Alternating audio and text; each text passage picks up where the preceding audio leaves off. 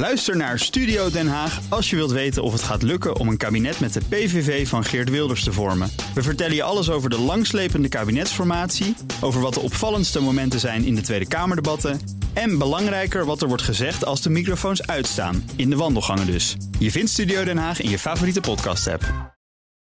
Altijd en overal alle BNR-podcasts. Download de gratis BNR-app. BNR Nieuwsradio. The Big Five. Diana Matroos. Personeelstekorten, hoge werkdruk, stijgende zorgkosten, lange wachttijden voor patiënten. Hoewel we enerzijds natuurlijk trots mogen zijn op de zorg in Nederland, weten we wel er moet iets veranderen. Ook al omdat we nu al 100 miljard aan zorg uitgeven. En we weten ook, het bedrag wordt alleen maar hoger. Is het integraal zorgakkoord van minister Ernst Kuipers de oplossing? Of moeten we het veel meer zoeken in preventie en technologie? Wat overigens trouwens ook wel weer onderdeel is van dat akkoord. Deze week ga ik het in ieder geval onderzoeken met vier kopstukken in Beners Big Five van de betaalbaarheid van de zorg. En kijken we welke transitie er nodig is. Vandaag doe ik dat met Georgette Feyneman. Uh, zij is directievoorzitter van de grootste uh, zorgverzekeraar van ons land, Zilveren Kruis. En daarnaast is ze ook vicevoorzitter van de brancheorganisatie van Zorgverzekeraars Nederland. Dus je kan over het hele spectrum ja. uh, meepraten. Welkom, ja. fijn dat je er bent, Georgette. Dankjewel. ik ga het zo meteen zeker met je hebben over dat integraal zorgakkoord. Want je bent trouwens ook een van de architecten van dat integraal zorgakkoord. Maar voordat we dat gaan doen, wil ik twee dingen van je weten. En het eerste is: wat zie jij nou als het grootste pijnpunt als het gaat om onze zorg? Uh, het grootste pijnpunt op dit moment is toegankelijkheid. Gro voldoende beschikbare zorg voor iedereen die het nodig heeft. Ja, en we horen dan, we zien de wachtlijsten, um, dat sommige zorg gewoon niet meer waargemaakt kan worden. Terwijl we natuurlijk een zorgplicht hebben in Nederland. Klopt. Ja. Uh, eigenlijk zijn het de verzekeraars die de zorgplicht uh, hebben. Hè. Dus wij moeten voldoende zorg inkopen voor onze uh, verzekerden. Gelukkig gaat het op heel veel gebieden gaat het heel erg goed. Maar je ziet wel dat het op sommige gebieden, bijvoorbeeld in de zware GGZ, dat het echt knelt, dat de wachtlijsten daar gewoon te lang zijn. Het tweede wat ik van je wil weten, um, je hebt het zorgplatform Skipper en die maakt elk jaar een ranglijst. Ja. En jij bent nou ja, een van de meest invloedrijke beslissers in de zorg. Je staat op nummer twee, maar liefst. Ja. Je kwam van nummer vijf.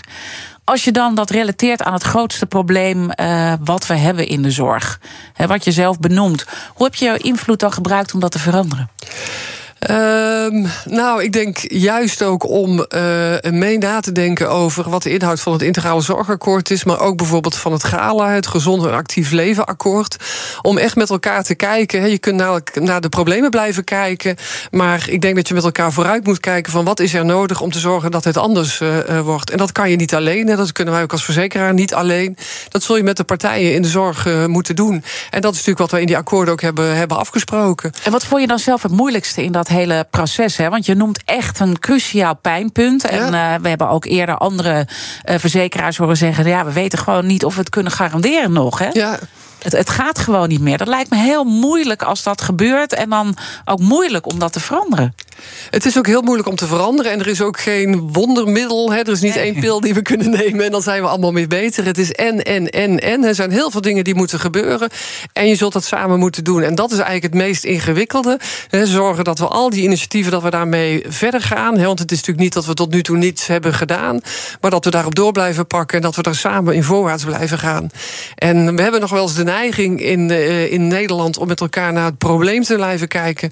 En ik roep dan altijd: jongens, we moeten zorgen dat die, die akkoorden van het papier afkomen. Hè, gewoon aan de slag. Zorgen dat we dit gaan doen, want dan wordt het beter. Ja, en dit is interessant wat je zegt. Want we hebben de neiging om in problemen te blijven denken. Dat zie je trouwens in, in heel veel dossiers. Hoe merk je dat nou uh, in de praktijk? Hè? Dat integraal zorgakkoord staat er. En dan, ja. uh, nou ja, dan gaat het op een gegeven moment toch, komt er frictie. Wat is dat? Nou, om een voorbeeld te geven, bijvoorbeeld digitale zorg. Ik denk dat dat een van de, de, de mogelijkheden is om met elkaar te zorgen dat je goede kwaliteit kunt blijven leveren. Dat mensen bijvoorbeeld thuiszorg kunnen, kunnen krijgen. Dat je misschien ook minder personeel nodig uh, hebt. En op het moment dat je het over digitale zorg hebt, dan is er gelijk altijd wel iemand die zegt: Ja, maar ik ken een oude mevrouw en die kan daar niet mee omgaan. Ja, natuurlijk zal er, zullen het best, en dat zijn niet alleen oude mensen, dat kunnen ook jonge mensen zijn. Als jij een hele ernstige ziekte hebt, dan wil je heel graag samen met de dokter het daarover hebben. Dan wil je dat niet op afstand doen. Maar er zijn heel veel uh, momenten, ziektes, personen bij wie dat wel past. Dus we kunnen met elkaar gaan focussen voor die ene bij wie het niet past. Ja. Of gaan kijken voor al die mensen waarbij het wel past. En zorgen dat we beide varianten hebben. Dus en voor die mensen die het willen, mooie digitale oplossingen. En voor die mensen die het niet willen of die het niet kunnen, ja, daar zullen ook alternatieven voor moeten komen. Ja, lijkt me frustrerend als je dus eigenlijk hele goede uh, ideeën hebt en, en, en dit gaat dan in hapering uh, komen. Hoe doorbreek je zoiets? Nou, ook te adresseren. Hey. Ik ben dan ook wel iemand die dat dan ook gewoon zegt. Ja, van, nou, kom op. Uh, um, en het ook op die manier ja, ook aan de slag. Hè. Wij hebben als Zilveren Kruis uh, eigenlijk altijd een beetje de filosofie. Wij gaan aan de slag met degene die voorop willen lopen. Hè, degene die het aandurven, die de veranderingen willen maken. En, want als je van begin af aan iedereen per se mee wil krijgen... dan kom je niet van zijn plek. Dus laten we gewoon met degene die het willen, die het aandurven... aan de slag gaan, bewijzen dat het werkt. En dan kunnen wij ook vanuit onze rol als verzekeraar kijken... of of het groter kunnen maken. Nou is een van de uh, belangrijke punten natuurlijk het integrale zorgakkoord. Hij viel al en jij bent dus een van de architecten. En je ziet dat echt ook als de, de vlucht naar voren. Toch is het nog wel echt een akkoord op hoofdlijnen. Dus we missen nog heel veel uh, details. Is dat tegelijkertijd de zwakte of ben ik dan ook weer te negatief? Ja, ik denk dat je dan te negatief bent. Kijk, wat, wat, wat je, uh, waar je ook soms naar. Soms moet je even terugkijken om vooruit te kunnen kijken. Voordat we het integraal zorgakkoord hadden, hadden wij hoofdlijnakkoorden. Dat betekende dat wij afspraken maakten voor de ziekenhuiszorg, voor de wijkverpleging, voor de huisartsen. Maar als jij ziek bent of jouw moeder is ziek, dan denk jij niet in instellingen. Dan denk jij over, goh, wat moet er voor mij allemaal gebeuren rondom die ziekte. En het integrale zorgakkoord is voor het eerst in Nederland dat wij dus niet vanuit die verschillende instellingen hebben gekeken, maar eigenlijk breed van wat er nodig is en op welke manier we dat samen kunnen doen. Dus dat is ontzettend een mooie stap voorwaarts. Kan je een voorbeeld geven? Want ik denk dat een heleboel mensen denken: ja, integraal zorgakkoord, het was eerst allemaal per, per deel en nu is het uh, gelijk, maar ik, maar ik snap het nou, niet. Een heel mooi voorbeeld bijvoorbeeld is, daar zijn beide ministers uh, laatst ook op bezoek geweest, is de wijkkliniek in Amsterdam. Als je, wat we zien is dat heel vaak kwetsbare ouderen komen op de eerste hulp, terwijl ze daar eigenlijk niet thuis horen. Dan zijn ze eenzaam, maken zich zorgen, hoe, hoe, krijgen spanning, komen op de eerste hulp terecht. Dat is voor hun niet de beste plek. Want als je als, als kwetsbare ouder in het ziekenhuis bent, dan heb je de kans dat je er niet veel beter uh, uitkomt als je weer naar mhm. huis gaat. Daar is de wijkkliniek voor bedoeld. Daar komen samen verpleegkundigen die heel goed weten hoe ze met dit soort mensen, met, met kwetsbare mensen om moeten gaan. Daar komen geriaters komen erbij. Het kan ook zijn dat er dus wel een echte uh, ziekenhuisarts uh, bij komt. Van wat is het beste voor, wat hebben deze mensen nodig? Ze kunnen daar langzaam meer tot rust komen voordat ze weer naar huis kunnen of naar mhm. een verpleeg dus dat is een heel mooi samenspel tussen artsen, tussen verpleegkundigen, uh, welzijnsdomein. Uh, in plaats van dat iemand alleen maar in het ziekenhuis uh, zit. En die, die gezamenlijkheid van activiteiten, die samenwerking, ja, dat is wat je nodig hebt om het goede voor zo'n kwetsbare ouder te doen. In plaats van dat je zegt, ja, moet, moet jij nou naar het ziekenhuis of moet jij naar de wijkverpleging? Ja, dat weet je natuurlijk helemaal niet als jij daar, daar bent. Wat, wat dan voor jou de beste oplossing is. En, en dan denk ik, nou, klinkt als een goed plan. Maar uh, uiteindelijk weten we dat er gewoon ook een businessmodel achter de, de zorg zit. En dat dan iedereen zal zeggen: ja, dit is mijn patiënt. Ik, ik wil die patiënt hebben. Die moet niet naar. Die, ik wil hem in het hmm. ziekenhuis. Maar daar moeten we vanaf. Ja. Want we hebben, vind ik zelf, in Nederland, voor de zorg in Nederland, allemaal de verantwoordelijkheid om het goede te doen wat onze patiënten, verzekerde cliënten nodig hebben. Maar, en dat betekent dat je een beetje over je eigen schaduw heen moet, moet durven stappen. Maar, maar merk je, is dit het probleem? Want Ad Melkert uh, adresseerde dit gisteren ook. we moeten van die uh, productieprikkel af. Is dat ook wat jij ziet gebeuren? Nou, je zult dat wel. Kijk, je kunt nooit uh, van, van uh, uh, in één keer van de ene manier van werken naar de andere manier van werken. en op het moment dat je dus zegt van nou, wij willen dat mensen meer aandacht aan patiënten geven om met elkaar het goede gesprek te voeren, dan zul je dat misschien ook financieel ook even moeten faciliteren. Maar die ruimte hebben we ook. Hè. We hebben in het Integraal Zorgakkoord er is 2,8 miljard transformatiegeld beschikbaar. Hè. Dus als je het dan hebt over we moeten de tijd ja, nemen. Zit, er is heel veel geld Hè? Maar tegelijkertijd denk ik, oké, er gaat 100 miljard in de zorg om, is 2,8 dan heel veel. Dan klinkt het ook weer heel weinig. Ja, maar die 100 miljard, dat is zowel de langdurige zorg als de reguliere zorg als het welzijn. En deze 2,8 zal zich toch met name op de reguliere zorg richten. En dat is uh, eh, 50 miljard. Dat is 50 miljard, dus dat is echt best wel heel veel geld. The Big Five. Diana Matroos. Mijn gast is Georgette Fijneman. Zij is direct, directievoorzitter van Zilveren Kruis. En ook de vicevoorzitter van Zorgverzekeraar Nederland, de brancheorganisatie. Uh, het zorgstelsel uh, moet efficiënt hervormd worden. En jij zegt, dan is het ook nodig dat we een maatschappelijke dialoog rondom het recht op zorg en het vormen van zorg die daar al dan niet onder valt, dat we dat ook gaan bespreken. Waarom is dat zo belangrijk? Eigenlijk als je kijkt, hè, we hebben nu met elkaar, ik noemde net al de toegankelijkheid van de zorg. En dat betekent dus dat je aan de ene kant moet je de zorg slimmer organiseren. Maar je moet ook kijken van is wel alles wat wij in Nederland onder zorg scharen, is dat dan ook echt wel zorg? He, wij zijn geneigd te veel met zorg op te lossen wat daar eigenlijk niet thuis hoort. En wat bijvoorbeeld veel meer in het sociaal domein hoort. En met sociaal domein bedoel ik bijvoorbeeld als jij betalingsproblemen hebt en vervolgens met hoofdpijn naar de dokter gaat. Ja, dan moet je dus niet naar de, naar de dokter toe, maar dan moet jouw financiële problemen worden opgelost. Of bijvoorbeeld eenzaamheid, waardoor mensen denken dat ze last krijgen van hun hart. Nee, dan is het de eenzaamheid die ze ja. koud op het hart slaat. Dus we moeten eigenlijk echt weten hoe het met mensen gaat. We moeten echt weten hoe het met mensen gaat en ook het gesprek kunnen voeren. dus dat is enerzijds bijvoorbeeld dit soort dingen die ik net noemde, maar ook bijvoorbeeld uh, in de laatste fase van je, van je leven. wat, wat wil jij dan eigenlijk nog, wat er allemaal nog met jou gebeurt? Is het dan logisch dat we alles uit de kast blijven halen om jou beter te maken, terwijl dat misschien voor jou helemaal niet beter is? En dan denk ik ook dat daar een, een hele interessante vraag onder ligt. Want dit is dan een individueel gesprek wat je voert. Maar je moet uiteindelijk ook iets kunnen uh, bieden. Hè, als zorginstelling, als uh, zorgverzekeraars. Er worden ook allemaal afspraken over gemaakt. Gaan we het zo over hebben. Maar dan moet je wel ook een basisvraag hebben van. Uh, als het gaat om volksgezondheid hè, van, de, van, van VWS, volksgezondheid, hoe gezond of ongezond zijn we dan in Nederland? Hebben, he, hebben we daar gegevens over? Ja, je kunt natuurlijk wel gewoon uh, internationale vergelijkingen maken. En je ziet uh, dat vaak wordt bijvoorbeeld gekeken naar de uitkomsten van zorg. Hè, van hoeveel van de operaties succesvol zijn. Op zich doen wij het goed in Nederland. We zijn niet de allerbeste, maar we doen het wel heel erg goed.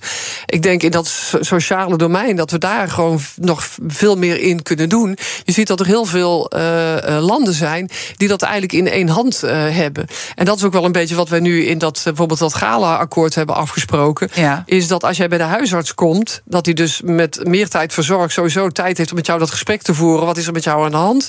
En dat hij dus niet alleen heel goed weet welk ziekenhuis het beste voor jou is of welke GGZ-instelling, maar dat hij ook weet wat de beste bewegingstherapeut is, of de beste diëtist, mm of de best, beste buurthuis waar je gezellig een kopje koffie kunt, uh, kunt drinken. He, waarin je veel meer die twee werelden ook met elkaar verbindt om echt te kijken wat heb jij nou, eh, wat heb jij ja, nou dat nodig? Dat is een enorme winst natuurlijk als dat gesprek kan plaatsvinden. Maar je moet natuurlijk ook wel dan het aanbod hebben. Want zo begonnen we. Ik bedoel, vraag en aanbod zijn niet goed op elkaar uh, afgestemd. En als je een goed aanbod wil uh, creëren met elkaar uh, in Nederland dan moet je gewoon ook weten uh, hoe gaat het nou met uh, hoe gezond zijn we nou in Nederland en waar en we weten heel veel deelprobleempjes, maar ik heb het idee dat we daar het integrale verhaal niet op papier hebben. We hebben heel veel rapportjes over obesitas en over alcohol en over, ja, ja. Uh, maar hebben het integrale verhaal duidelijk. Nou, wat we natuurlijk nu aan het doen zijn, is dat we per regio regiobeelden aan het maken zijn. Dat gebeurt dus onder uh, verantwoordelijkheid van de verzekeraars. Uh, dat we dus echt specifiek voor een regio kijken van uh, welke vraag is hier het ja. grootst en wat is het aanbod en wat is eigenlijk het gat daartussen. En dan zie je dat het echt verschilt. Als je bijvoorbeeld kijkt hier in, in Amsterdam is bijvoorbeeld een groot probleem dat er heel veel mentale problemen zijn. Hè. Dat is heel veel GGZ-vraag. Terwijl als je bijvoorbeeld in Friesland kijkt, hè, waar wij als Zilverkruis ook zitten, ja, daar heb je weer heel heel andere zaken die aan de, aan de hand zijn. En dan kun je dus veel concreter eigenlijk maken van wat nou de opgave is maar die er moet gebeuren. Dat is een hele goede ontwikkeling. Want ik bedoel, je kan toch geen goede zorg bieden als je die vraag niet helder hebt. Nou, dat is het. Hè. En ja. dan kan je dus ook focus aanbrengen. Dat je zegt van uh, bijvoorbeeld hier in, in, uh, in Amsterdam, daar heb je het programma Amsterdam Vitale en Gezond. Hè. Daar is al een paar jaar geleden heel concreet opgeschreven wat zijn de belangrijkste gezondheidsproblemen van de Amsterdammer. En wat moeten we dan dus met elkaar uh, doen? Nou, daar staan heel duidelijke uh, doelen staan daar ook op. Um, ja, en dan, en dan zie je ook dat de gemeentes daarin heel belangrijk precies, zijn. Heel belangrijk. Cruciaal, zie ik ook in een artikel van Zorgvisie, die we allemaal met, met, de, met de redactie en ik ook hebben, hebben doorgespit. en dan staat er tegelijkertijd dat er nu al gestribbel is. dus een paar dagen geleden, je begint te lachen. dat eigenlijk de, de, de VNG nou ja, ook nu op de rem gaat trappen. En dat de gemeenten niet tevreden zijn hoe het gaat, omdat VWS weer uit een uh, bepaald potje uh, geld wil. En die gemeenten dachten eigenlijk: hé, we gaan er nu op vooruit, want wij hebben elke keer tekorten. Ja. En nou gaan ze uit ons gemeentefondspotje gaat er geld gehaald worden. Ja, ik, ik denk zelf dat als je met elkaar een handtekening onder het integraal zorgakkoord zet, dat je dus niet bij uh, het eerste het beste andere onderwerp kunt zeggen: ja, maar als we daar niet krijgen wat we hebben willen, dan, uh, dan trek ik mijn handtekening uh, terug. Natuurlijk hebben de gemeentes daar gelijk in dat er wel er moet geld zijn. Um, en dat is er ook. Ze hebben 150 miljoen gekregen om juist die preventieinfrastructuur ook neer te zetten met elkaar. Ja, dus ze hebben geld gekregen, maar ze hebben zelf het gevoel dat ze erop achteruit gaan. En is dit precies wat jij eerder beschrijft. Dat we dan iets doen en we staan allemaal met de neus dezelfde kant op. En dan toch wordt er vanuit eigen belang gedacht? Nou ja, er zijn natuurlijk altijd redenen om met elkaar niet voort te gaan. Maar dan kom je dus ook niet van zijn plek. Omdat er zoveel dingen zijn die we te doen hebben. Dus laten we de dingen die we hebben afgesproken gewoon gaan doen. En natuurlijk moet je ook zorgen dat je ook voor de andere zaken. dat, je daar, dat daar dan voldoende geld voor komt. Maar je moet niet het ene probleem met het andere probleem vermengen. Want dan gaat er gewoon helemaal niks gebeuren. Regionaal worden in ieder geval de beelden gemaakt. En daar gaan jullie ook als verzekeraars een heel belangrijke rol in spelen. Hoe, hoe gaat die rol daaruit zien? Nou, we hebben sowieso natuurlijk heel erg veel data. Hè, want uh, Nederlanders declareren hun zorg bij hun zorgverzekeraar. Dus wij weten precies wat, wat de zorgconsumptie in, uh, in Nederland is. Gemeentes hebben weer heel veel informatie over die ondersteunende rol. Nou, wij zorgen dat die, die informatie bij elkaar komt. Natuurlijk altijd op, op gezamenlijk niveau. Hè, zodat je dat niet op patiënt weer terug kunt herleiden. Wij zorgen dat die beelden er komen. En dat er plannen van aanpak komen om ook daad, daadwerkelijk mee aan de slag te gaan. En dat gaat dan over digitalisering van de zorg, uh, voorkomen van arbeidstekorten, concentratie van, uh, van complexe zorg, uh, samenwerking in het sociaal domein, wat ik noemde. de hele preventiekant is natuurlijk ook super belangrijk. Al die dingen die er nodig zijn om met elkaar te zorgen dat die zorg weer toegankelijk wordt. En ik heb ook begrepen dat dan de grootste zorgverzekeraar in dat gebied eigenlijk het voortouw ja, gaat klopt. nemen. Dat klopt. dus dat we ook een beetje wat meer af zijn van, de, van dat discussie tussen die uh, verschillende verzekeraars. Terwijl jullie natuurlijk toch wel ook weer concurrenten met elkaar zijn. Dus ik ben heel benieuwd hoe dat dan gaat uitwerken in de praktijk. Nou, oké, we hebben gezegd, hè, want je kan als jij een koers uit wil zetten, kan het natuurlijk niet zo zijn dat wij als Zilveren Kruis zeggen: jij moet linksaf. En dan komt de volgende dag komt de CZ komt langs die zegt: je moet rechtsaf. Dat gaat niet. Daarom hebben we gezegd: de, grootste twee verzekeraars zeggen: zetten samen met de zorgaanbieders de koers uit. Welke kant gaan we op? Vervolgens blijven we nog wel gewoon uh, inkopen, omdat je natuurlijk toch ook wel een beetje marktwerking wil je wel in dat systeem houden. Maar je hebt wel meer een gezamenlijke koers. Ja, en, en maar denk je dat dat nog spannend gaat worden in de praktijk? Um, nou, ik denk dat, dat dat eigenlijk wel heel mooi is. Omdat je dus echt een mooie ambitie per regio hebt. waar je samen met elkaar ja. uh, uh, mee aan de slag uh, gaat. Ook daar is weer de grootste. wat ik zelf het spannendste vind. is hoe gaan we voorkomen dat we met alle partijen in de regio. daar met elkaar over gaan praten.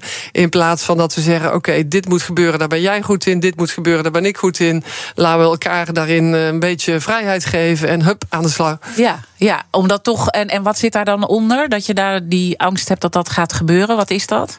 Nou, kijk, als je natuurlijk in zo'n regio kijkt, daar zitten natuurlijk heel veel partijen. Hè? Dus je hebt de twee grootste verzekeraars, je hebt verschillende ziekenhuizen, je hebt verschillende GGZ-instellingen, je hebt heel veel wijk, uh, uh, wijk, aanbieders van wijkverpleging, excuses, huisartsen, het sociaal domein, verschillende gemeentes. Het zijn heel veel partijen.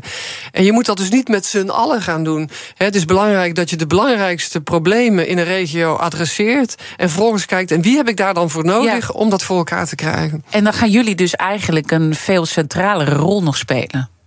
Ja, maar wel altijd samen met. Want wij kunnen dat natuurlijk nooit zeggen van wij gaan wel even bepalen wat er in die regio gebeurt. Je moet het altijd samen met de gemeentes en de zorgaanbieders. En niet te vergeten, de patiënten moet je dat doen. Ja, maar uiteindelijk zullen jullie gewoon zeggen: we gaan deze kant op. Ja, wij, gaan, wij zijn de, de, de stimulerende. nou, wij zijn de stimulerende kracht om te zorgen dat het voor elkaar komt. Ja. Zo zie ik het zelf. Ja. En, en eh, wordt het dan ook zo dat we, eh, als je gaat kijken welke vormen van zorg wel of niet, dat dit ook in de spreekkamer uiteindelijk ertoe gaat leiden dat bepaalde zorg gewoon er niet meer uh, gaat komen. Want dat hoort daar dan denk ik ook bij. Ik probeer gewoon te, ja. te, te denken, wat ga ik ervan merken als ik straks bij de huisarts zit en ik heb een. Nou, weet je wat ik nou mooi zou vinden? Ja. Dus dat het niet is zoals jij het zegt van de zorg is er niet meer, maar dat jij terugkomt en tegen je man of je vriend zegt van ik had zo'n goed gesprek. Het was niet gelijk van hupsakee en dit is wat... Uh, ik werd gelijk uh, naar het ziekenhuis gestuurd. We hebben echt even gekeken wat er nodig is... en wat voor mij het beste past. Want dan zijn we de goede dingen aan het doen uh, met elkaar. Ja, maar kan het zo zijn dat... Ehm, ik snap dat je dit zegt... maar kan het zo zijn dat ik bepaalde behandelingen... niet meer kan krijgen... omdat de dokter dan tegen mij gaat zeggen... ja, dat gaan we niet meer doen? Dan heeft die dokter daar waarschijnlijk een hele goede reden voor. En ik denk ook dat dat, hè, en dat is volgens mij ook een beetje een maatschappelijke dialoog die we met elkaar ja, moeten voeren. Ja, want zo begonnen we dit eigenlijk. Eh, ja. Van, uh, is het nou logisch dat je overal recht op hebt? Want dat moeten we met z'n allen betalen. Hè. Dus als je zegt, nou, ik wil blijven proberen, ik wil alles proberen, dat moeten we met z'n allen betalen. En wij hebben een heel solidair systeem in Nederland. En ik wil je niets onthouden, maar wel op het moment dat het niet nodig is. Maar dat vraagt wel een andere manier van denken eigenlijk van Zeker, iedereen, hè? van Van mij iedereen, als patiënt, maar ook van die dokter. Ja. Is dat, is dat moeilijk voor doktoren? Nou, het is moeilijk voor doktoren omdat ze het soms niet gewend zijn. Maar het is ook moeilijk voor doktoren doordat de patiënt het nog niet gewend is. Ja. En het is precies zoals jij het zegt. Het is een wederzijdse verantwoordelijkheid. Maar daar moeten we in Nederland het mooiste zo zijn als we het daar met elkaar, met de kerst of op een verjaardagsfeest, ook met elkaar over hebben. Maar wat voor zorg vind jij nou dat jij nodig hebt? Uh, hoe wil jij nou als je straks ouder bent, hoe het dan met je, met je gaat? Dat, dat we gewend zijn om met elkaar die gesprekken te voeren. En dat het niet altijd logisch is dat altijd alles uit de kast wordt gehaald. Dat je niet met een soort boodschappenlijst komt en dit wil ik en dat gaat dan gebeuren. Ja. Ja. En dan uh, willen jullie ook dat de Zonder dat dus ja? jou onthouden wordt wat jij nodig hebt. Hè? Want dat mag natuurlijk nooit zo zijn. Nee. En we moeten met elkaar blijven zorgen dat je gewoon een goede zorg kunt blijven krijgen. Maar er is gewoon heel veel onzinzorg die er nu wordt geboden. Er is veel niet passende uh, zorg, ja. maar er is ook veel wordt met zorg opgelost wat eigenlijk geen zorg is. Ja, en dan hoor ik ook weer de critici zeggen: ja, passende zorg, dat doen we toch al lang. Hè? Ik bedoel, ik zeg niet dat het zo is, hè, maar ik verwoord even uh, wat ik dan lees en voorbij uh, zie komen. Dan ja, zeggen de specialisten alsof we dat niet al jaren doen. Kijken wat passende zorg is. Er wordt al jaren gekeken wat het is. Er, is ook, er zijn hele lijsten met wat passend is en wat niet passend is. Maar we hebben nog geen generieke manier van doen. waarin je kunt zeggen, bijvoorbeeld in alle ziekenhuizen in Nederland. wordt er op die manier naar passende zorg gekeken. Dat is er gewoon nog niet. Morgen dan is minister Ernst Kuipers uh, te gast. Abonneer je vast op ons uh, podcast via je favoriete podcastkanaal. Dan weet je zeker dat je niks mist. En straks pra praat ik uitgebreid verder met Georgette Fijneman, directievoorzitter van Zilveren Kruis, maar dus ook vicevoorzitter van de branchevereniging ZN. En dan praten we uh, allemaal wat wij eraan gaan merken nou in onze portemonnee. Want het gaat ook over premies, en dat is ook heel erg belangrijk. En of we niet veel meer moeten inzetten op preventie. Het viel even kort, maar misschien wordt dat wel veel en veel belangrijker. Blijf luisteren. Bij BNR ben je altijd als eerste op de hoogte van het laatste nieuws. Luister dagelijks live via internet. Bas van Werven. En heel langzaam komt de zon op rond dit tijdstip. Je krijgt inzicht in de dag die komt op BNR, het Binnenhof in Nederland en de rest van de wereld. De Ochtendspits. Voor de beste start van je werkdag. Blijf scherp en mis niets.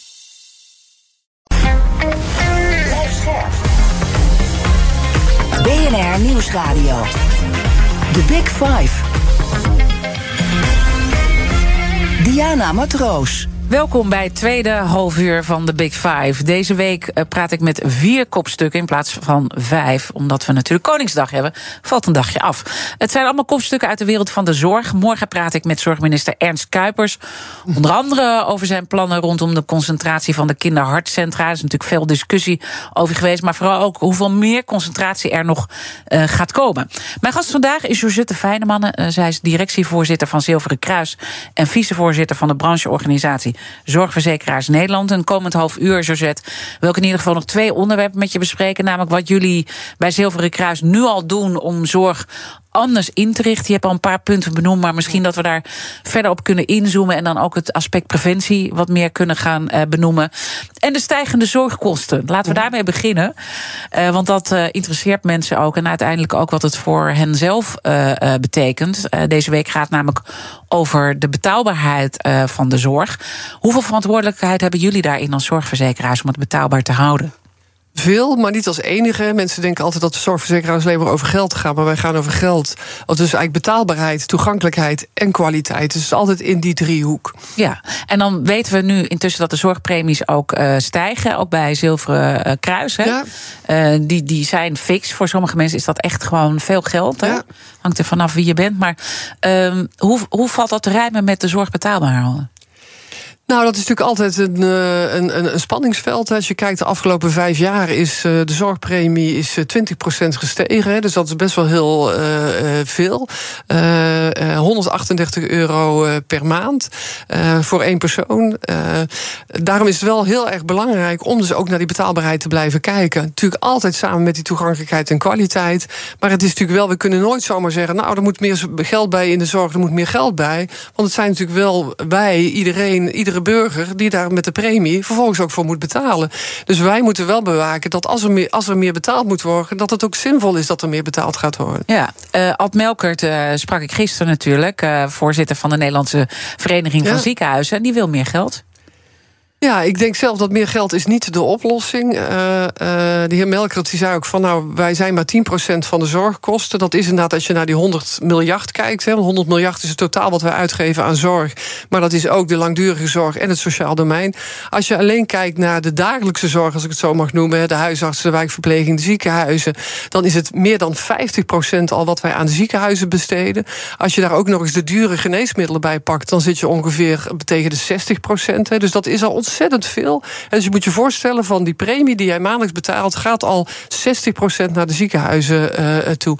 En ik wil niet zeggen dat dat onterecht is, maar ik denk dan wel dat je dus met elkaar ook de verantwoordelijkheid hebt om niet alleen maar te zeggen er moet meer geld bij, maar meer hoe kun je het met elkaar ook anders organiseren, waardoor het dus en betaalbaar blijft en toegankelijk. En dat is volgens mij wat we in het Integraal yeah. Zorgakkoord ook hebben afgesproken. Dat we juist uh, met elkaar proberen om dus uh, uh, de uitgaven uh, stabiel te houden, maar wel te gaan veranderen, waardoor we dus juist het wel overeind kunnen houden. En veranderen is toch ook altijd uh, moeilijk. Overigens vond hij ook dat de ziekenhuizen ook zelf een stap moeten ja. zetten. Maar hij zegt, om die stap te zetten hebben wij weer geld nodig hè, voor technologie en al dat soort dingen om te investeren, zodat we ook kunnen veranderen. Maar, en daarvoor, uiteindelijk... maar daarvoor is dus 2,8 miljard transformatiegeld beschikbaar gesteld. Hè, om juist dat soort plannen te kunnen, te kunnen financieren, hè, om innovaties te kunnen doen. Maar ook om de transformatie te financieren. Want iedereen weet, kosten gaan voor de baten uit. Hè. Je ja. moet eerst investeren voordat je, uh, voordat je daar wat voor terugkrijgt. Ja, daar is dus al heel veel geld voor beschikbaar. Ja, en nou ja, ik bedoel, we moeten ook uh, niet verzanden in de techniek. Maar ik bedoel, hij gaf weer aan van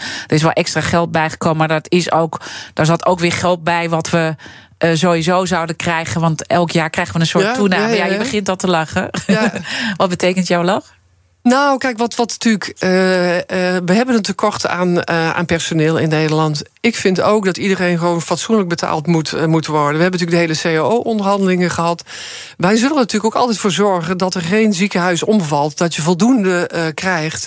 Maar je moet naar het totaal kijken. En het heeft volgens mij niet zoveel zin om altijd alleen maar te roepen: er moet meer geld bij. He, je moet het met elkaar integraal bekijken uiteindelijk gaat het dan ook om meer concentratie in de zorg. Ja. Hè? En dan hebben we bij die uh, kinderhartchirurgie hebben we al gezien hoe ontzettend uh, veel kabaal daarover ja. komt.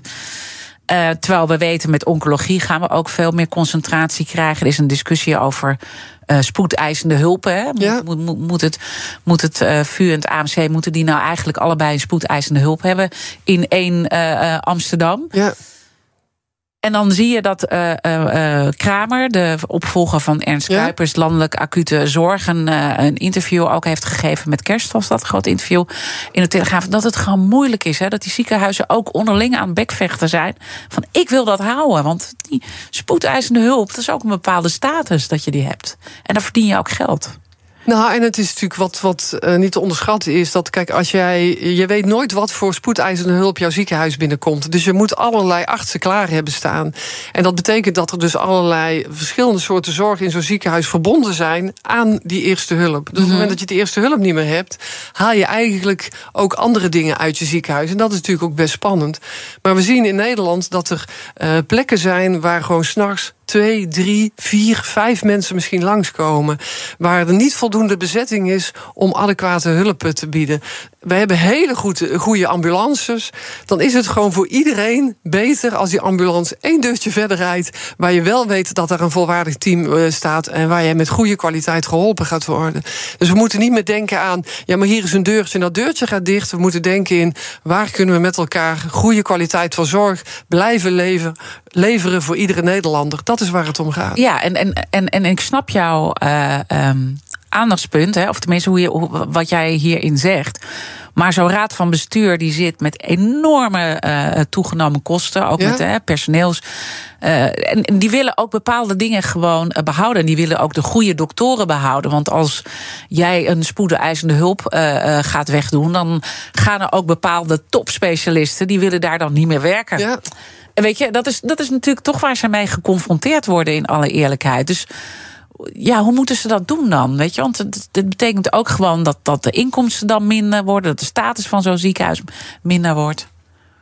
Nou, het zijn een aantal dingen die je noemt. Maar ik denk dat het belangrijkste is, is dat je dus met elkaar... en ook dat gaat dus weer in die regio gebeuren... dat je kijkt, wat zijn de profielen van ziekenhuizen die wij nodig hebben. Ja. Wij hebben niet drie topklinische ziekenhuizen in één stad nee. uh, uh, nodig. Wat we straks, we worden met z'n allen steeds ouder. We gaan allemaal heel veel chronische ziektes krijgen.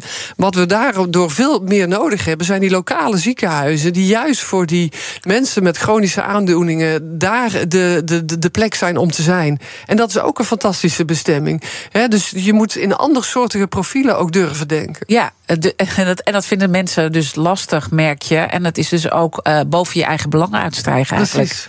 Maar ook hier ja. weer van, ja, maar wat hebben we straks nodig met elkaar? He, en als wij dus met z'n allen steeds ouder zijn... er zijn steeds meer oudere mensen met die aandoeningen die steeds ouder worden... ja, dan hebben we dus ook van dat soort instellingen... heb je heel erg hard nodig. En dan moet je dus ook op dat uh, regionaal wijkniveau uh, en wijkniveau... Ja. heel goed gaan kijken hoe je daar de bezetting uh, met mensen doet. Bijvoorbeeld met, met ZZP'ers en daar ook op meer gaan samenwerken, denk ik. Zeker, zeker. En je hebt natuurlijk, want het is natuurlijk altijd de samenwerking... Hè, want je hebt dus, ik zal maar zeggen, die, die basiszorg heb je nodig. Maar soms heeft iemand natuurlijk toch ineens een enge aandoening... waardoor je topklinisch iets nodig hebt. Nou, dan zul je toch samen moeten werken. Maar het een is niet minder dan het ander. Nou, is het natuurlijk ook om te kijken wat jullie uh, zelf anders kunnen organiseren. Ja. Hè? Want uh, wie de balkaart uh, ja, kan zeker. terug verwachten. En daar gaat denk ik ook wel de kettingvraag van Ad Melkert over... voorzitter van de Nederlandse Vereniging van Ziekenhuizen. Hij wilde dit heel graag van jou weten, Georgette. Nou, ik zou haar willen vragen of we eigenlijk niet een beetje af moeten van de nervositeit in het systeem. Hè? Dat elk jaar opnieuw er een uh, soort van overstapcircus is. Hè? Dan mag je als uh, verzekerde, moet je weer kijken, ga je naar een andere verzekeraar of niet. Ja. Dat er elk jaar weer uh, onderhandelingen zijn tussen uh, meer dan tien verzekeraars en zo'n honderd instellingen. Dus dat betekent duizend contracten die elk jaar weer moeten worden uh, gemaakt. dus als je in plaats daarvan meer over meer jaren zou hebben, meerjarencontracten. En wat uh, langere uh, periodes van uh, dat verzekerden hun verzekering hebben. En dat dat ook meer geleid zou worden door de grootste verzekeraar in een bepaalde regio. Zouden we dan niet een, in ieder geval binnen de huidige systematiek een veel eenvoudiger werkwijze krijgen. Waar we ook heel veel transactiekosten zouden kunnen besparen. Ja. Nou, er zitten een aantal dingen in. Enerzijds gaat het over uh, uh, het, de mogelijkheid van over te stappen voor consumenten. Hè, om naar een andere zorgverzekeraar te gaan. Ja, dat geeft elk, elk jaar weer stress uh, voor uh, mensen ook. Ja, maar ik vind dat. Maar ze hoeven dat niet te doen. Hè. Dus ik vind zelf dat je. Dat het, want bij heel veel verzekeringen kun je. ieder moment dat jij wil, kan je overstappen naar een ander. In, bij de zorg is dat maar één keer per jaar. En ik denk als je daar één keer in de twee jaar of in de drie jaar van maakt ik, ik gun het mensen hè, om zelf te kunnen kiezen waar zij verzekerd uh, willen zijn. Dus ik zou zelf daar aan dat jaarlijkse, uh, de jaarlijkse cyclus zou ik niets uh, veranderen. Uh, wat de heer Melkert ook noemt, is vervolgens wat er uh, wat daarnaast gebeurt, is natuurlijk dat wij jaarlijks onderhandelen met alle zorgaanbieders om een contract te sluiten. Wat je ziet is dat wij al veel meer meerjarencontracten hebben. Bijvoorbeeld als Zilveren Kruis is een derde van de ziekenhuizen, daar hebben wij alle meerjarencontracten voor. Dus dan heb je niet die jaarlijkse cyclus. Wat je nu door die regionalisering meer zult gaan krijgen, is dat je eigenlijk met elkaar, op basis van het regiobeeld, zet je een stip aan de horizon. Je weet dat dat is waar je met elkaar naartoe uh, wil. Dan kun je dus ook makkelijker zorgen dat daar ook meerjarenafspraken, niet alleen voor de ziekenhuizen, maar ook voor uh, wijkverpleging, huisartsen, daar ook uh, aan, aan verbonden uh, zit. Mm uh, dus ik denk dat er vanzelf dat dat meer gaat uh, gebeuren. Daarnaast hebben we natuurlijk al afgesproken dat de, de, de twee leidende verzekeraars eigenlijk de strategische koers uh, bepalen. Dus dat, het, dat, dat die strijd onderling zou dan minder moeten worden? Nou, dat, dat betekent want dus. zijn toch nog steeds concurrenten? Hè, want we zijn nog steeds concurrenten. Ik denk ook dat dat goed is. Alleen betekent dat wel dat al een deel van de afspraken. dat die eensluidend zijn. Dus dat scheelt al een heel stuk uh, in, die, uh, mm -hmm. in die onderhandelingen. Ja. Um, en dan hou je volgens mij wel het goede, hè, dat is die marktwerking. Maar je haalt ook een stukje van nou ja, die transactiekosten, zoals meneer Melkert dat dan noemt, uh, zullen dus ook een stuk minder moeten zijn. Ja, en, en, en kan je dan een percentage noemen hoeveel besparing jullie hiermee denken te realiseren? Uh, ik denk zelf dat we die tijd die we daarmee besparen heel hard nodig hebben om al die transities in de regio voor elkaar te gaan krijgen. Want dat is ook een verandering die wij zullen moeten maken. Wij moeten van inkopen veel meer naar echte verandering in de regio. Ja, dus er gaat niet echt veel geld overblijven dan. Uh, ik en denk de niet... premie gaat niet omlaag, in ieder geval. Daar zou ik nog geen voorschot op durven nemen, nee. Uh, nee, maar uh, want als je zegt van... oké, okay, we gaan dus wel besparen doordat we het anders gaan organiseren... maar die transitie kost weer zoveel geld, uh, tijd en dus geld. Dan, blijft, dan gaan we niet een win daarvan merken. Nee, maar ik denk geld. wel dat het heel waar de win ook heel erg zit, is in dat samen. Dus in plaats van dat je jaarlijks met elkaar die inkoopstrijd hebt, dat je veel meer samen met de regio-opgave aan de slag bent om het goede voor die regio te doen. Ja, wat me opvalt als je, als je gewoon heel veel dingen uh, leest, en ik zie ook dat, het, dat jullie daar ook best wel moeite mee hebben, is dat jullie toch als uh, kille rekenaars uh, worden gezien. En uh, er zijn zelfs, uh, ik zag een opiniestuk in het NRC van een organisatiedeskundige en een arts die zeiden: joh, we moeten gewoon maar eens helemaal die zorgverzekeraars tussenuit halen uit het systeem. Dat, dat gaat een heleboel geld schelen. Hoe kijk je naar dat soort verhalen? Nou ja, als je gewoon naar de cijfers uh, kijkt, is dat de, sinds de invoering van uh, dit systeem in 2006, uh, juist in de ZVW, hè, dus dat is de reguliere zorg, niet de langdurige zorg, zijn de zorgkosten juist heel erg beheerst doordat wij met dit systeem werken. we weten van andere landen dat op het moment dat je dat niet zo'n systeem hebt, dat dat helemaal niet betekent dat het allemaal zoveel goedkoper gaat worden. Juist niet. Hè, dus we hebben internationaal de bewijsvoering dat dat de oplossing niet gaat zijn. BNR ben je altijd als eerste op de hoogte van het laatste nieuws. Luister dagelijks live via internet. Bas van Werven. En heel langzaam komt de zon op rond dit tijdstip. Je krijgt inzicht in de dag die komt op BNR, het Binnenhof in Nederland en de rest van de wereld. De Ochtendspits. Voor de beste start van je werkdag. Blijf scherp en mis niets. BNR Nieuwsradio. The Big Five. Diana Matroos. Je luistert naar BNR's Big Five van de betaalbaarheid van de zorg. Later deze week zal ik nog spreken met Bart Kiers. Hij is onderzoeksjournalist bij Zorgvisie. Viel al een aantal keer trouwens, Zorgvisie. En ik ga met hem uh, praten over de valkuilen van al die prachtige hervormingsplannen van het Integraal Zorgakkoord van minister Kuipers. Uh, maar ook van mijn gast vandaag. Want je bent ook een van de belangrijke architecten, Josette Feyneman, directievoorzitter van Zilveren Kruis. En dus vicevoorzitter van de brancheorganisatie van de zorgverzekeraars in Nederland. Uh, ja, ik, misschien is het mooi. De twee architecten uh, bij elkaar. Morgen heb ik natuurlijk minister Ernst Kuipers. Wat zou je hem als uh, vraag willen stellen? Want die kettingvraag gaat door. Uh, een beetje een kritische, hè? Ja, een beetje de kritische. Uh, nou, ik vind het wel mooi, uh, wel leuk om te vertellen. We hadden een week of twee geleden, heb ik samen met twee andere bestuurders van twee ziekenhuizen, hebben wij met z'n drieën een bijeenkomst georganiseerd voor talenten van het ISA. Dus van alle, het ISA is ondertekend door, wat is het, 15 partijen. Integraal Zorgakkoord. Integraal Zorgakkoord. En van al die partijen hadden wij een aantal talenten. want we hadden zoiets van, nou, het Integraal Zorgakkoord, dat is de zorg van de toekomst. Nou ja, tegen die tijd uh, zijn wij er niet meer als bestuurder. Dus laten we de bestuurders van de toekomst eens vragen... wat zij van het integraal zorgakkoord vinden... en hoe we dat met elkaar voor elkaar kunnen gaan krijgen. Het was een fantastische avond, heel veel energie. Hè, dus dat je ook ziet dat die hele verandering van integraal... denken vanuit de patiënt, samen doen... dat is voor die talenten. Dan heb je mensen, zo, ik zal maar zeggen, tussen de 30 en de 40... is allemaal vanzelfsprekend. Hè, dus dat is echt heel leuk, helemaal geen belangen, niks... maar gewoon het goede doen voor de zorg in Nederland. Um, maar wat daar ook heel veel naar voren kwam, wat voor hen ook heel vanzelfsprekend was, wat waar wij het over hadden, is dat die maatschappelijke dialoog. Hè, van goh, maar hebben we nou met z'n allen recht op alles wat we maar willen?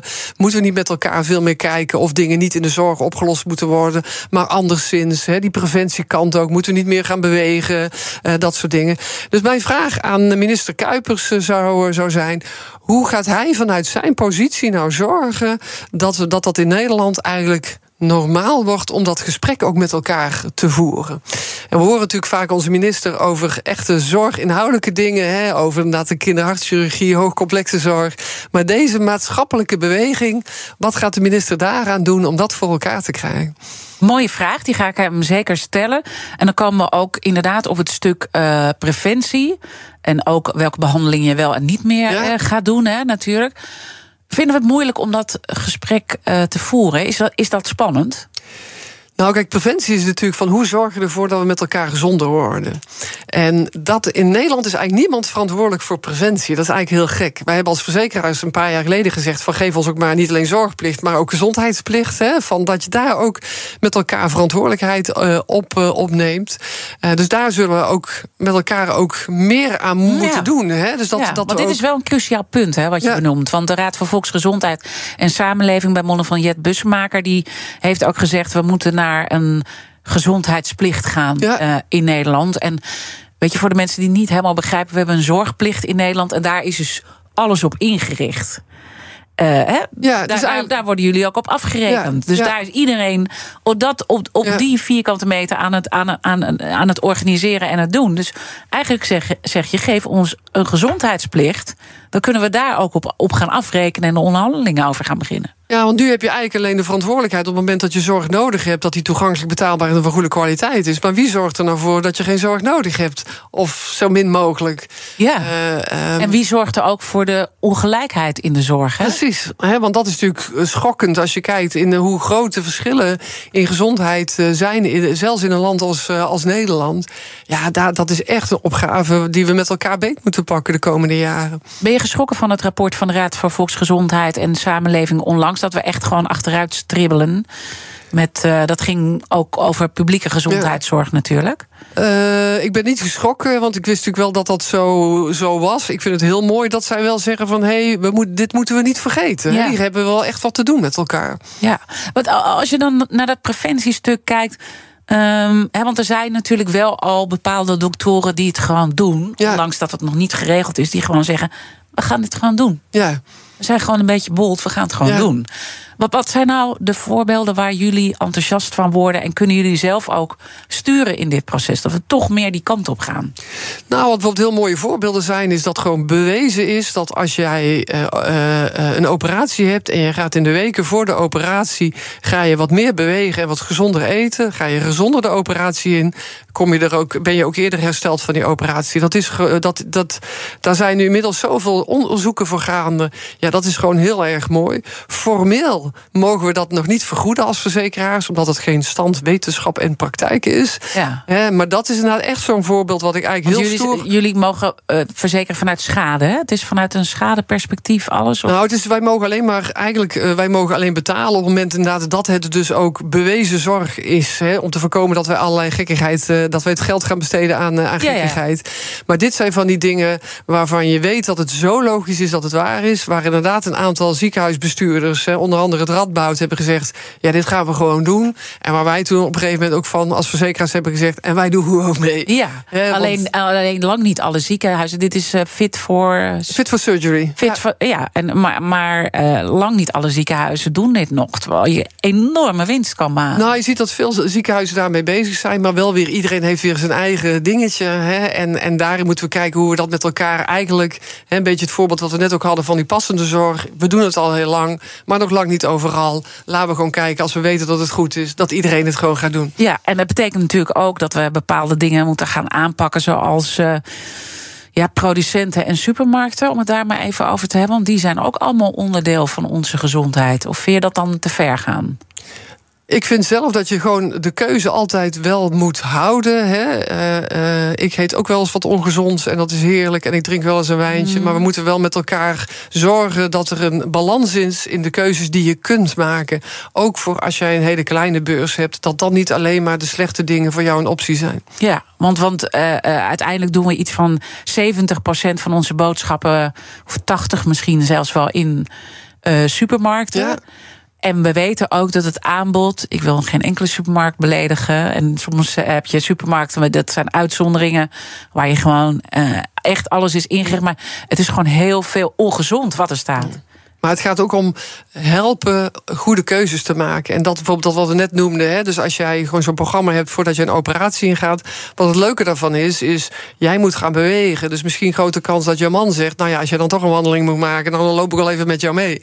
En als jij dan gezond moet gaan koken, dan zie jij misschien. Oh, is dat nou gezond? Ik wist niet dat het gezond was. Maar ja, als ik het voor mezelf moet koken, dan kan ik net goed voor mijn hele ja, gezin zo maar, Maar, maar hier, dit is dan een cruciaal punt. En dan kom je ook wel op de ongelijkheid nu op de zorg uit. Weet je. Um, niet, niet om arrogant te doen naar andere mensen in, in Nederland. Maar wij zijn allebei hoog opgeleid. En we kunnen heel veel educatie tot ons nemen, heel makkelijk. En we hebben het geld ervoor om de goede dingen te kopen. En we hebben ook uh, het geld om uh, een coach uh, ja, ja, ja, te regelen. Weet je dat? Ik heb hier ook een uitzending gemaakt met uh, mijn eigen voedingscoach waarmee ik toen werkte. Ja, daar betaalde ik ook gewoon geld voor. Weet je? Nee, maar daarom noemde ik je juist dat voorbeeld van Fit for Surgery. Want dan, dan, dan, hè, dan kun je wel zeggen, ja, maar dan is het eigenlijk al te laat, want mensen hebben bijvoorbeeld een bepaalde operatie nodig. Maar dat zijn wel de momenten waarop je dus van invloed kunt zijn. Ja of wat ik eerder noemde, als jij bij de huisarts komt en die huisarts neemt jou aan de hand mee om te zeggen van volgens mij is hier eens wat anders nodig, dat we dan met elkaar een infrastructuur hebben staan waar dat beschikbaar is, toegankelijk voor iedereen. Want anders dan, dan is na die toegang is er niet. En daar gaan jullie ook de doktoren mee helpen, hoop ik. Zeker. Het gesprek zeker. Uh, ja. En de samenwerking met de gemeentes is daar ook heel erg belangrijk ja. in. Vind je het nog leuk om te doen met al die uh, transities en ook al die strubbelingen? Super. Ja, ja? ik vind juist hè, lekker aan de slag om het beter te maken. Ik hou daarvan. Ik wil je heel erg danken dat je te gast wilde zijn uh, vandaag. Suzette Feyneman, directievoorzitter van Zilverkruis... en dus de vicevoorzitter van de brancheorganisatie Zorgverzekeraars Nederland. Luister alles terug van de Big Five. Abonneer je op onze podcast via onze app of je favoriete podcastkanaal. Dan weet je zeker dat je niks mist. Maar, ik zeg het altijd, blijf op deze zender live. Zometeen Iwan Verrips met BNR breekt over de treinen... en of we meer moeten gaan betalen voor uh, bepaalde tijdstippen. Ik wens je een mooie dag. Ook Harm Edens vind je in de BNR-app. Je kunt BNR Duurzaam niet alleen live luisteren in de app, maar ook terugluisteren als podcast, zoals al onze podcasts. En naast dat de BNR-app Breaking News meldt, houden we je ook op de hoogte van het laatste zakelijke nieuws. Download nu de gratis BNR-app en blijf scherp.